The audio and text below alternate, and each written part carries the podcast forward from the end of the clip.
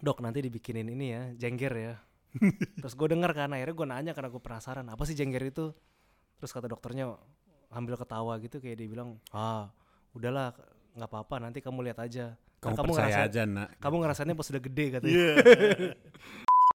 Terus kan banyak yang bilang orang kamu sunat biar cepet gede ya kan. Hmm. Apaan cepet gede emang ngaruh sama tinggi orang? Nggak ngaruh ya? ya enggak lah lo Ngaruh. gimana sih?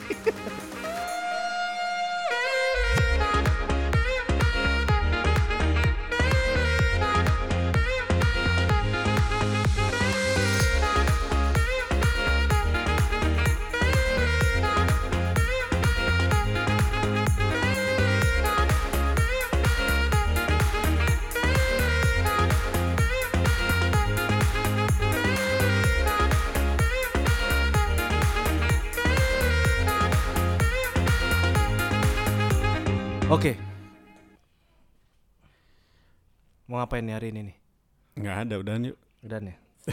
Jadilah ya. Jadi kita tadi lagi ngobrol-ngobrol santai, Mm-mm. terus Tiba-tiba flashback, inget titik masing-masing. ya lagi flashback ke masa lalu kayak hal-hal kecil pas kita masih kecil apa sih yang paling mengesankan? Awalnya kayak mau ngobrolin pengalaman masuk rumah sakit, kita nggak pernah masuk rumah sakit, dirawat. Kan tiap Akhirnya- hari ke rumah sakit. Oh iya iya, tiap hari udah masuk rumah sakit. Masih kecil kan belum. Iya belum.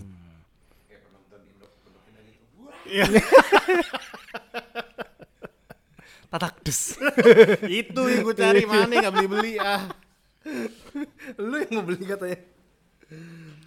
Jadi akhirnya kita memilih topik hari ini adalah sunat Sunat, atau bahasa medisnya biasanya disebut sirkumsisi. sirkumsisi. Apa sih sunat itu? Ya simpelnya Kenapa orang harus sunat? Hmm, dari definisi dulu deh. Kita kan anak kedokteran harus Coba sistematis. baca slide-nya. Ya sunat tuh orang-orang udah pasti pada tahu kan. Eh, sunat tuh kayak motong ada kulit lebih ya berarti ya. Ya, di kelamin pria jadi wanita tuh nggak disunat ya ada juga sunat wanita cuman gua gak ngerti sih itu apaan yang disunat emang iya nggak ada kan? ada klitoris yang disunat zaman dulu tuh ada Itu mah suku pedalaman kali.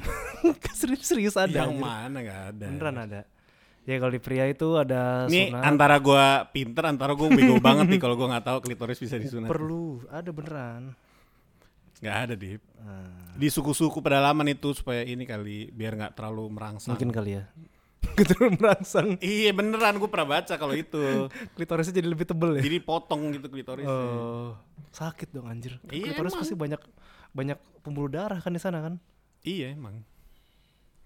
Jadi eh, sunat itu atau sirkumsisi eh, itu sebenarnya Kebanyakan dead, kebanyakan dead air ya bangsat. Apa Yaudah lah. udah sunat? Hmm. Jadi ada kulit lebih dipotong gitu kan. Tujuannya apa? Biar bersih. iya Karena di situ kalau orang yang nggak sunat tapi nggak ngerti cara ngebersihinnya, tuh bakal kotor banget tuh. Dan berpotensi eh, terkumpulnya kuman-kuman yang bisa terjadi penyakit macam-macam. contohnya Contohnya kanker tuh tadi bisa kanker penis. bisa ya Kanker penis tuh bisa karena nggak disirkum. Kedua infeksi. Infeksi menular seksual bisa lebih tinggi Hmm. kejadiannya. karena kalau sebelum sunat itu kayak kulit yang di depan glandnya itu kulupnya itu kan dia ketutup kan. Jadi dia ba- dia bakal ngumpul di situ semua. Kayak kita habis pipis atau misalkan ada bakteri yang masuk jadi dia bakal ngumpul di situ dan bisa nimbulin penyakit. Ya. dan juga memang kebudayaan timur kali ya. Kebudayaan timur kan memang kita kan budaya sunat juga dan dari agama dari agama gua sih emang menganjurkan tapi gua nggak tahu kalau agama lu sih nganjurin apa enggak ya? Agama gue kan sama sama agama lo oh iya sama ya. Sorry sorry. Cuman nggak dipraktekin aja. Tapi kalau orang barat bisa lebih bahaya lagi dip. Udah nggak sunat.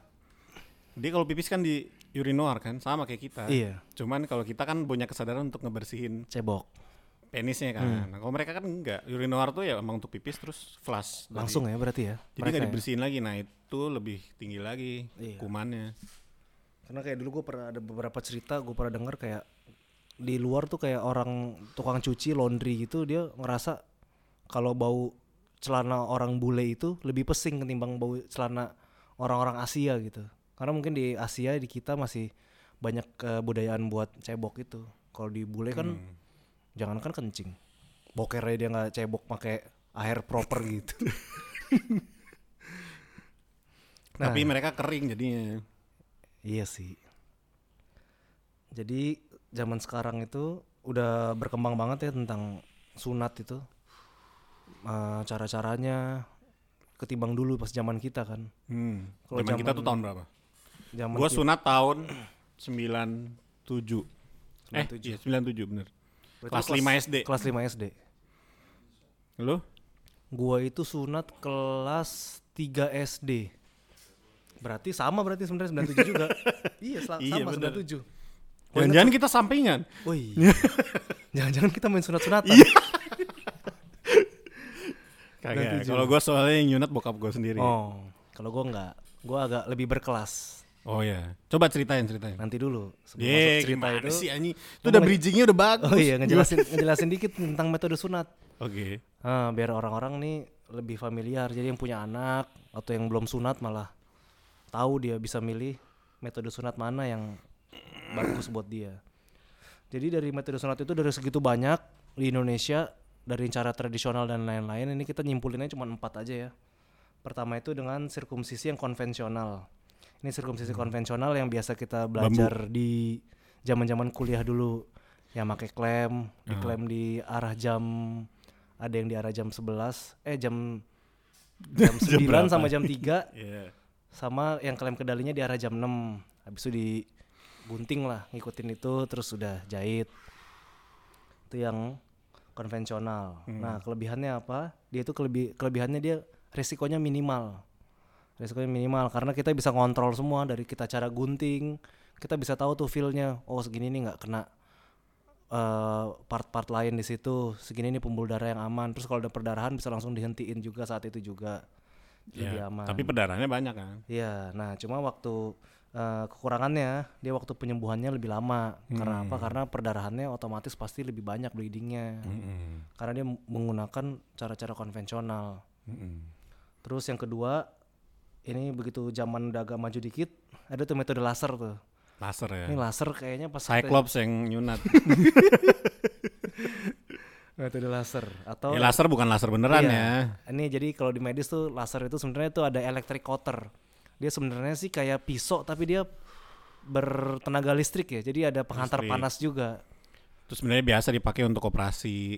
Cuman iya dong, kauter kan biasa dipakai untuk operasi juga Oh buat iya iya. gantiin perdarahan segala macam. Nah, Gue cuman koperasi. cuman karena orang, orang awam banyak nggak ngerti, dikiranya Ya. dibilangnya laser lah biar gampang gitu. Dan biar juga menjual. Jadi dokter saat menjelaskan itu lebih menjual Hmm, bahasanya. laser keren. Bukan dikasih listrik. Kalau dikasih listrik kan orang-orang takut kan. Wah, nanti gue kestrum, ntar gue mati lagi. Kayak dihukum mati dikasih listrik. Akhirnya lah, jadi bahasanya laser. Kan yang nyampe bukan listrik malih. Ini jadi panas. iya panas. Dari listrik itu kan jadi energi panas kan. Iya. Nah, di sini menggunakan pemanas elektrik yang ditembakkan ke ujung penis untuk memotong kulup. Hmm. Jadi eh, kelebihannya apa? Dia kelebihannya dia minim jahitan dan perdarahan. Karena otomatis kalau dia kena panas itu kulit kita nanti eh, kalaupun ada perdarahan dia bakal tetap apa bakal cepat nutup, pembuluh darahnya jadi langsung nutup. langsung nutup. Terus dia lebih cepat sembuh. Tapi kekurangannya itu Kosong. bisa terus ada resiko juga kepala penis bisa terpotong karena kita kan nggak nggak tahu nih ininya Iya, ukurannya, feel-nya nggak megang langsung. Nah, gitu. terus Ada ya kasusnya ya kepotong ya penisnya. ya? ada ada pernah gue pernah Ada, pernah. beberapa rumah sakit Terus kalau udah kayak gitu gimana? ya? kepotong gitu ya harus merelakan masa depannya terpotong sedikit ya? Emang nggak di- bisa disambungin lagi? Bisa dong. Iya kan pasti kan kalau kepotong nggak mungkin banyak banyak kayak ujungnya doang Mm. Jadi ngample. ya paling ukurannya berkurang lah 1 sampai dua senti atau kasihan yang udah kecil jadi makin kecil nanti Berit penis. Ya nomor tiga terus yang ini yang sekarang lagi ngetren ya metode klem. Jadi metode klem itu dia adalah eh, memasang suatu alat berupa klem. Klem itu kayak apa ya? Jepit. Iya penjepit, ada kayak rumahan, terus ada pisaunya bentuknya bulat penjepit. nanti dipasang di penis. Jadi yang tadi kulit lebih itu dibuka, terus dijepit sama si alat klemnya itu Hmm. supaya terbuka. Nah itu lebihannya baru Potong. dipotong. Iya, iya. Nah, di sini dia itu kelebihannya dia tanpa jahitan dan minim perdarahan juga. Hmm. Terus eh, dia cepat sembuh sama dan minim rasa sakit. Hmm. Terus kelebihannya Sangat hafal sekali ya. Kayaknya baca. nih. kelebihannya klem menggantung di penis. Ya emang kenapa kalau klem menggantung di penis ya? ya kan emang prosedurnya kayak gitu. Kok jadi dibilang kekurangannya nih? Sama mahal. Iya sih mahal sih. Sekarang udah banyak tempat-tempat tuh kayak klinik-klinik yang khusus sunat menggunakan metode ini. Hmm. Harganya ada nggak di situ? Harganya nggak ada nggak tahu. Nanti kalau mau tahu ya langsung hubungin ya rumah sunat. Mahal-mahalan dokter bedah lah. Oh iya sih bener. Mahalan sama urologi lagi. Iya. Kalau sunat dengan penyulit. iya makanya yang kan. nyunat urologi kan kalau kayak Iya, gitu kan. Terus yang terakhir ada metode stapler. Nah metode sunat ini biasanya dipakai untuk dewasa dan remaja puber. Jadi dia menggabungkan eh, teknik potong dan jahit dengan alat stapler yang berbentuk lonceng di bagian dalam untuk melindungi kepala penis. Terus lonceng lain yang di luar yang punya pisau bundar untuk memotong kulup. Gak tau sih gue gak ada visual tentang ini. Jujur yang ini Karena kita nggak pernah punya pengalaman Ah. nyunat yang udah dewasa, jadi kita nggak hmm, tahu. tahu. Kan kalau dewasa tuh biasanya eh, apa namanya antas alasan tertentu gitu kan, Hmm. akhirnya disunat. Dan biasanya- Pernah bokap gue pernah nyunat orang udah remaja.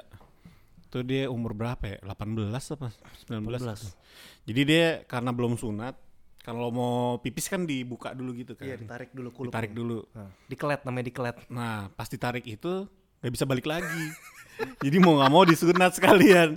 Nah, tapi ya sunatnya pakai metode konvensional yang waktu itu. Itu gimana caranya? Oh berarti tetap ditarik dipaksa diklem gitu ya? Iya, Pelan-pelan berarti ya, Iya. dibalikin ya.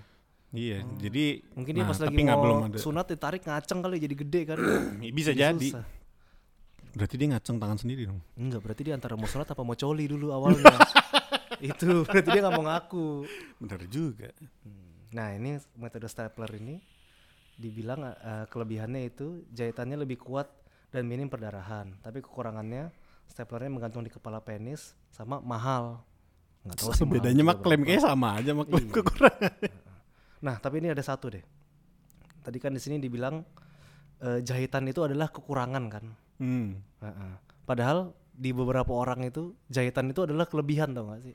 Karena banyak orang request mau sunat jahitannya dilebihin dong, Wih. dibikin genjer. Kenapa sebabnya? Dulu gue pas masih kecil juga kayak gitu. Bokap gue request ke dokternya. Hmm, jadi lo ada jengger? Apa? Jadi lo? Dibikin. Nah, jadi pengalaman gue dulu gua, kok mungkin bilangnya ada gitu.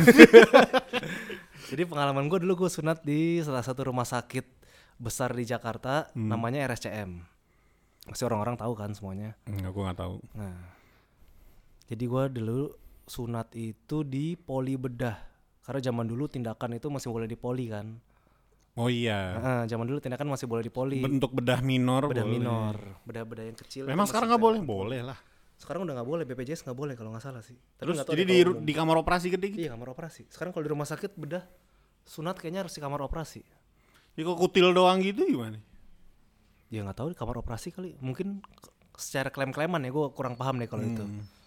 Jadi gue sunat dulu di poli bedah sama dokter siapa gue lupa. Karena gua dulu gue sunat awalnya diiming-imingin sama PS. Wih, zamannya beli PS. Zaman beli PS. Dulu tuh zaman keluar PS 1 yang mini tuh, apa yang kecil tuh ya? PS1 ya, PS1. PS1. Nah, itu kan dulu pas zaman 97 itu kan baru keluar PS1 Iya, kan. iya. Nah, gue diiming-imingin itu, akhirnya disuruh lah sunat. Kebetulan dulu mbah gue, nyokap, ibunya nyokap gue tuh lagi sakit juga di sana. Jadi sekalian gitu Di mana? di RSCM Oh, di RSCM, dirawat. iya. Jadi begitu gue sunat gue bisa ini nginep bareng dia di sana. Hmm. Udah tuh gue disunat, gue ngeliatin alatnya lagi disiapin sama dokter bedahnya. Nah di situ baru tuh gue denger bokap gue bilang, Sama dokter siapa inget gak lu? nggak inget gue, Mana sih? masih kecil anjir. Terus? Lu bilang kayak, dok nanti dibikinin ini ya, jengger ya. Terus gue denger kan, akhirnya gue nanya karena gue penasaran, apa sih jengger itu? Terus kata dokternya, ambil ketawa gitu kayak dia bilang, ah udahlah nggak apa-apa nanti kamu lihat aja. Kamu, Kan percaya ngerasa- aja nak. Kamu ngerasainnya pas sudah gede katanya. Iya. Terus? Nah itu. Eh sekarang akhirnya baru Oh iya gimana rasanya? tahu fungsinya. Jangan tanya gue, emang gue yang ngerasain. Oh, ma- Tanya orang lain dong yang pernah ngerasain. oh gitu. Hmm. Kan yang punya jengger lu. Terus ngapain? Gimana caranya gue Marilyn Manson anjing? Bisa ini sendiri. Terus Kayak gitu, gue dulu pakai metode konvensional.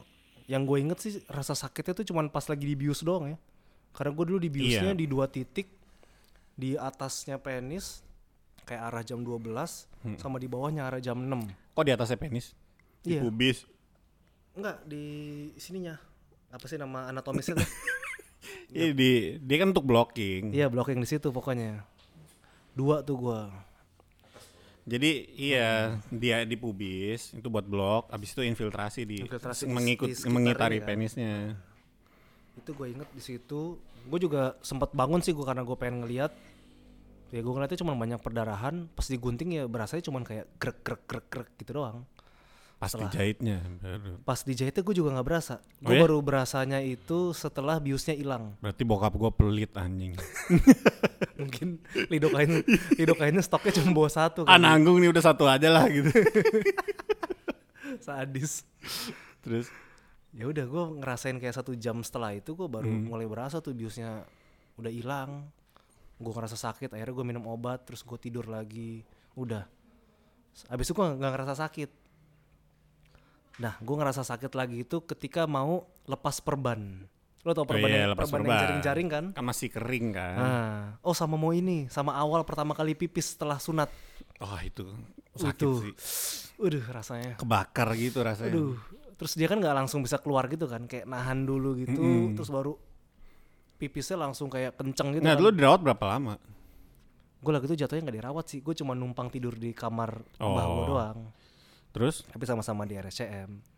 berapa lama sembuh?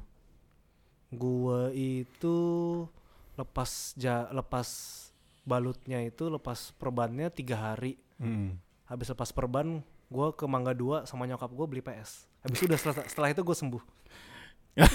Karena ada. PS. iya serius. Tapi, pas- tapi kan maksud gua nggak ada infeksi berarti.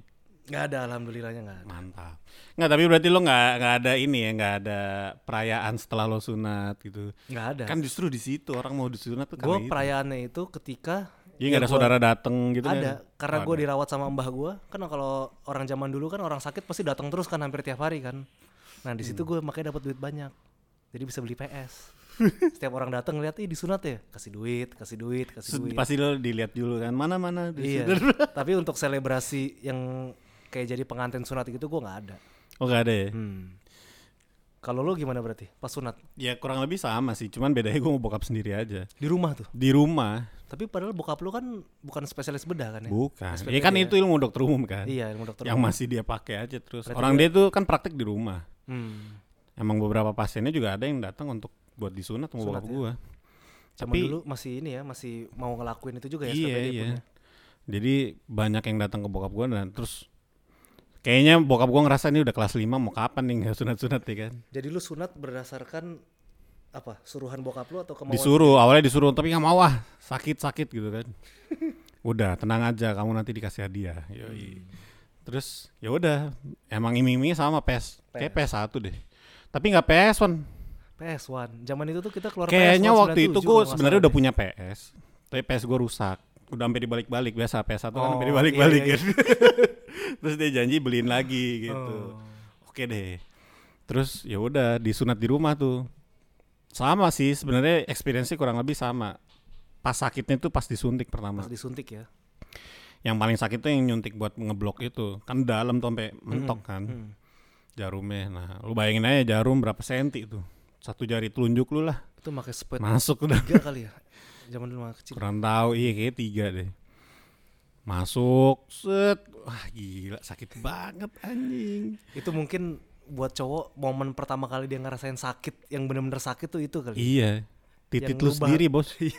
Kayak adek lu, tapi disakitin gitu. itu momen yang ngerubah laki-laki kecil jadi laki-laki Yoi. dewasa dari situ tuh. Terus kan banyak yang bilang orang kamu sunat biar cepet gede ya kan. Hmm. Apaan cepet gede emang ngaruh sama tinggi orang. Ngaruh- Ngaruh ya? Ya enggak lah lo ada ya? gimana sih? Biasanya kan sunat otomatis kita jadi balik kali ya gara-gara udah ada hasrat buat coli kali ya. Enggak sih hasrat tuh kayaknya sebelum gua itu juga Oh, udah. ada. ada. Jangan-jangan lu coli sebelum sunat lagi. Tapi gua nggak tahu itu coli ya. Kok kenapa jadi ke situ ya? jadi intinya waktu itu di Hmm. di apa namanya disuntik. Pas infiltra kan di ini kan disuntik, tunggu Sedot. dulu. Nah, Tunggu dulu disentil-sentil. baru diinfiltrasi pelan-pelan Hmm. supaya pas ngegunting pas jahit nggak nyeri. Terus ya udah disentil-sentil, oh udah nggak udah kebas nih. Terus Hmm. ya udah dimulai lah diklaim-klaim terus dipotong segala macem. Pas dipotong nggak ngerasain, Dip. Pas dijahitnya anjing kayak ada benang lewat gitu gimana sih lo? Oh, lu berasa Seret pas dijahit gitu ya? berasa. Pas tiap narik benang tuh Ah. kerasa. tapi sakit berasa ya, bukan berasa. Ya bukan sakit yang nyeri banget sih, tapi itu anjing nih apa? Oh, kayak cukup menimbulkan kayak rasa ada benang nyaman ya. seret lewat gitu loh, sa- apa namanya eh, aneh gitu. Itu sampai selesai dijahit, cet, cet, cet, cet. udah tuh. Makanya di situ tadi gue bilang nih kayak bokap gue pelit kali ya, nggak fil- infiltrasinya nggak nggak banyak gitu. Infusnya juga apa? Infusnya suntikannya juga nggak ditambahin kan, walaupun dia berasa gitu. Iya kayaknya. Terus ya udah diperban segala macem. Terus besokannya gue nggak tahu kenapa. Saudara-saudara gue pada dateng yang dari Jawa cuy. Hmm. Anjir, itu kayak emang pas momennya juga mau lebaran apa mau. Pokoknya gue inget, bukan mau lebaran. Pokoknya gue inget itu gue harusnya gue persami. Eh tapi itu perjusa karena Jumat Sabtu. Oh cuma satu dulu ya. Nah, gue harusnya itu tapi gue nggak ikut karena gue sunat. Terus besokannya tiba-tiba kok pada dateng, wih rame gitu. Terus gue kayak showcase gitu, kan pakai sarung, Ah. sarungnya diangkat gitu. Oh iya. mana mana mana yang udah disunat anjing tititnya pengen dilihat anjing apaan sih? Pamer ya, dulu pamer ya. Ya guanya nggak pengen pamer Oh, tapi lu emang pamer. kan maksudnya biar Orang-orang pengen sarungnya nggak ya. kena ke Oh iya iya. iya, itu paham. kan. Lu dulu nggak pakai celana kayak batok gitu loh. Kagak ada Nggak pakai ya? gitu. Di, enggak, perban aja udah langsung. Iya. Lu tarik terus lu tahan sendiri. Ditarik terus ditahan supaya nggak kena sarung gitu. Nah, itu sakit banget sih beberapa kali kan kena gitu. Hmm. Iya ujungnya. Wah itu parah itu kalau kena tuh ujungnya. Terus ya udah, ternyata pada datang terus bokap gua ngajakin liburan ke Lido ya kan. Kok bokap lu inisiatif banget ya? Inisiatif Anaknya baru sunat. Diajakin liburan.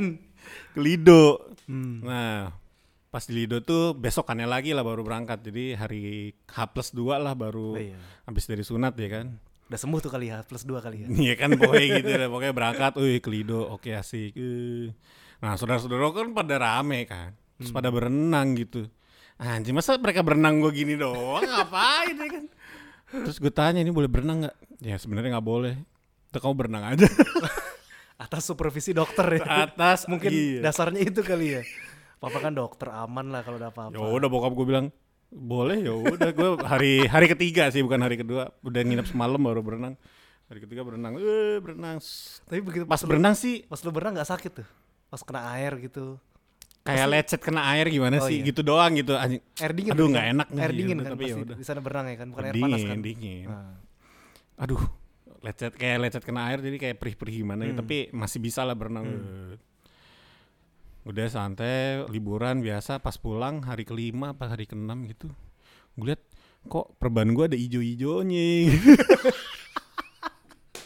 Basat infeksi anjing. Jadi lama dip. Gue dua minggu kali baru sembuh itu dari dari sunat. Sampai bengkak gitu nggak lo? sempet bengkak. Sakit.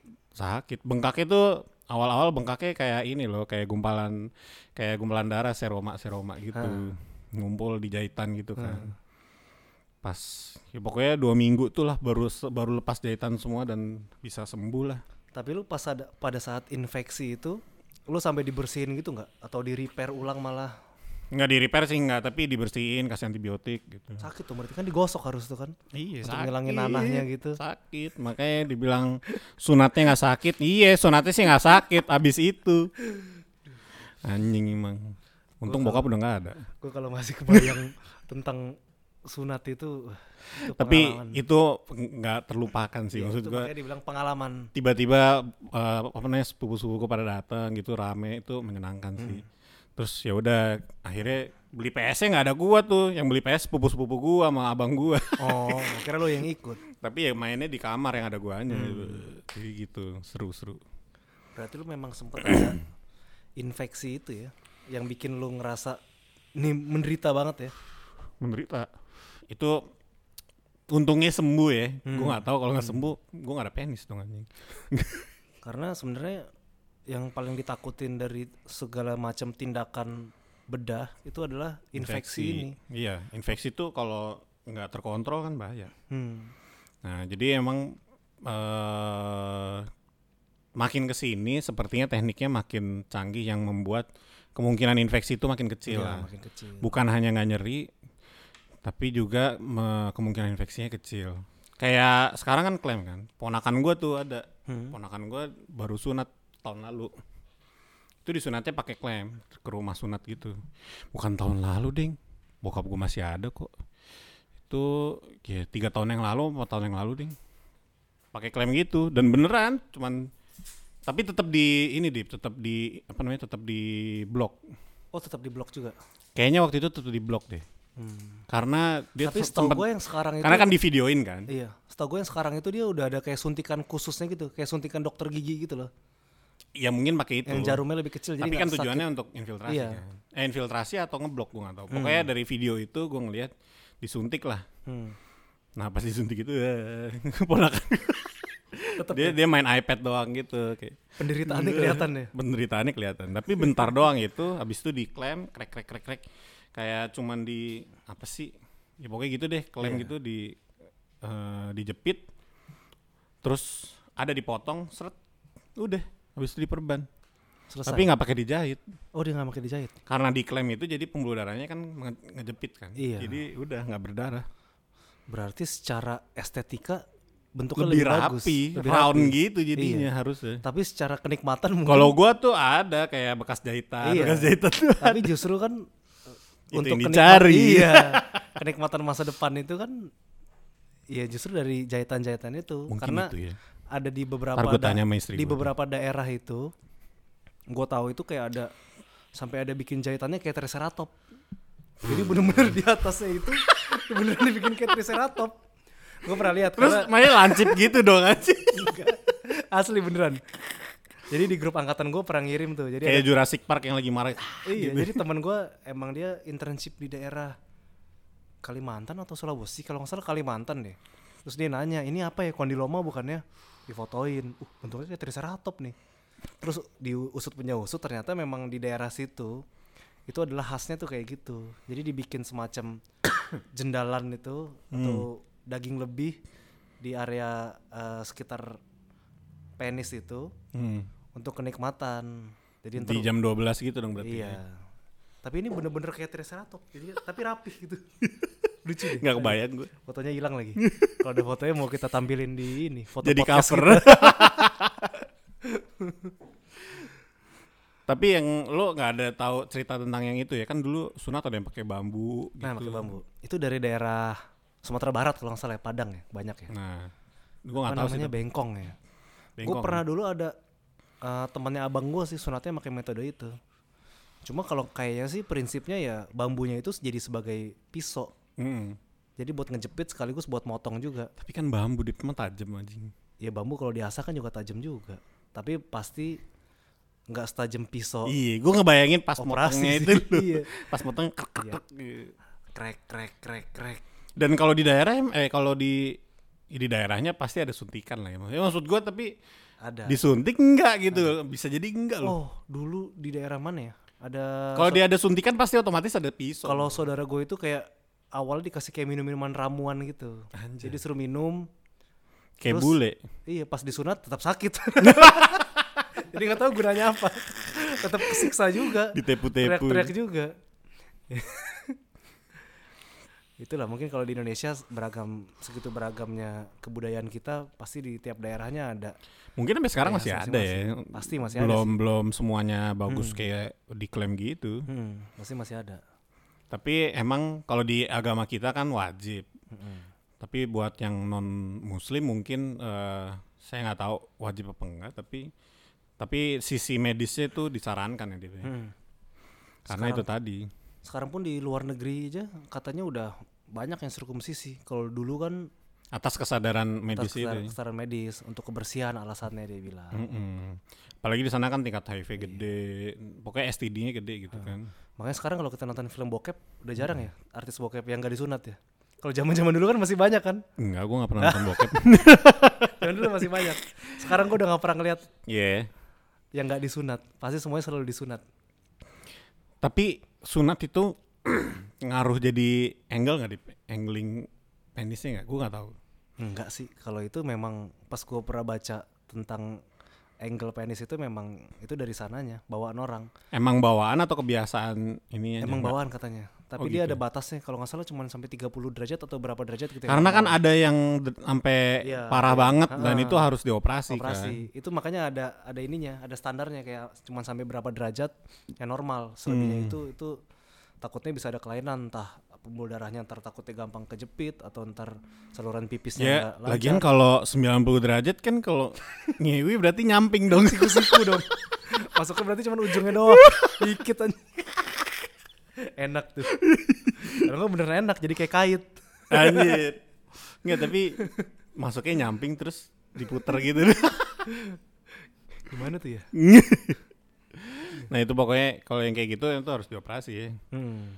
Ya, itu itu udah jatuhnya udah kelainan. Itu harus dilakukan tindakan medis. Terus apa lagi, Dip?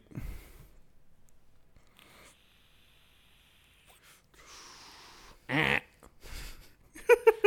Tadak des.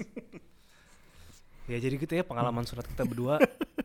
Mungkin kalau ada pengalaman sunat lo yang lain bisa diceritain, bisa komen di Instagram kita di yang dengerin-dengerin ini kan udah mulai banyak nih. Ah, ah. Walaupun teman-teman kita juga sih. Mm. Tapi kan kasih komen kan kan kita kasih tuh link Instagram, Instagram kita, kita. di di Spotify. Inilah interaksi dikit. Nanti bisa Kirim-kirim komen, tentang komen. pengalaman sunat lo yang mengenakan atau nggak mengenakan dan pasti semuanya nggak mengenakan sih karena pasti sakit. Jadi Iya. bisa follow di Instagram kita di podcast Adlib. Ya. Dan gua harap sih itu bisa jadi segmen baru kalau misalkan makin banyak komennya kita ada mungkin ada segmen jawab-jawab pertanyaan atau apa gitu kan. Kalau ada mulai nanya-nanya. semuanya seputar medis, jangan nanya tentang masalah ekonomi sama kita. Sama gua ada rencana mengeluarkan satu segmen baru. Itu tunggu aja. Sedang kita godok. Mudah-mudahan pada suka. Mudah-mudahan sih satu minggu setelah atau mungkin minggu yang sama sama ini ya. Mudah-mudahan sih bisa sama jadi. ini mungkin. Tunggu aja ya. Yeah. Oke, itu aja kali ya. Bye. Nah, Cut it, cut it, cut it, cut it, cut it, cut it, cut it, cut it. Them bricks is way too high, you need to cut it. Your price is way too high, you need to cut it. Cut it, cut it, cut it, cut it, cut it, cut it, cut it, cut it. Them bricks is way too high, you need to cut it. Your price is way too high, you need to cut it. Running through bands on a regular. Hitting my plug on the celly.